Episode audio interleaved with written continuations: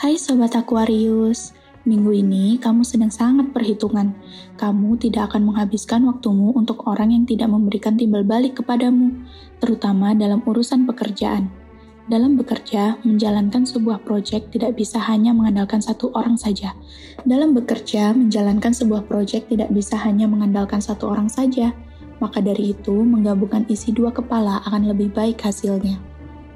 Aku mau kasih sedikit tips untuk Sobat Capri minggu ini. Yakni, kalian gak boleh terlalu sensitif ya. Kalian harus benar-benar memahami arti dari ucapan seseorang. Jangan sampai terjadi salah paham. Yakin deh kalau udah salah paham tuh ribet. Percintaan untuk sobat Aquarius Lovebird.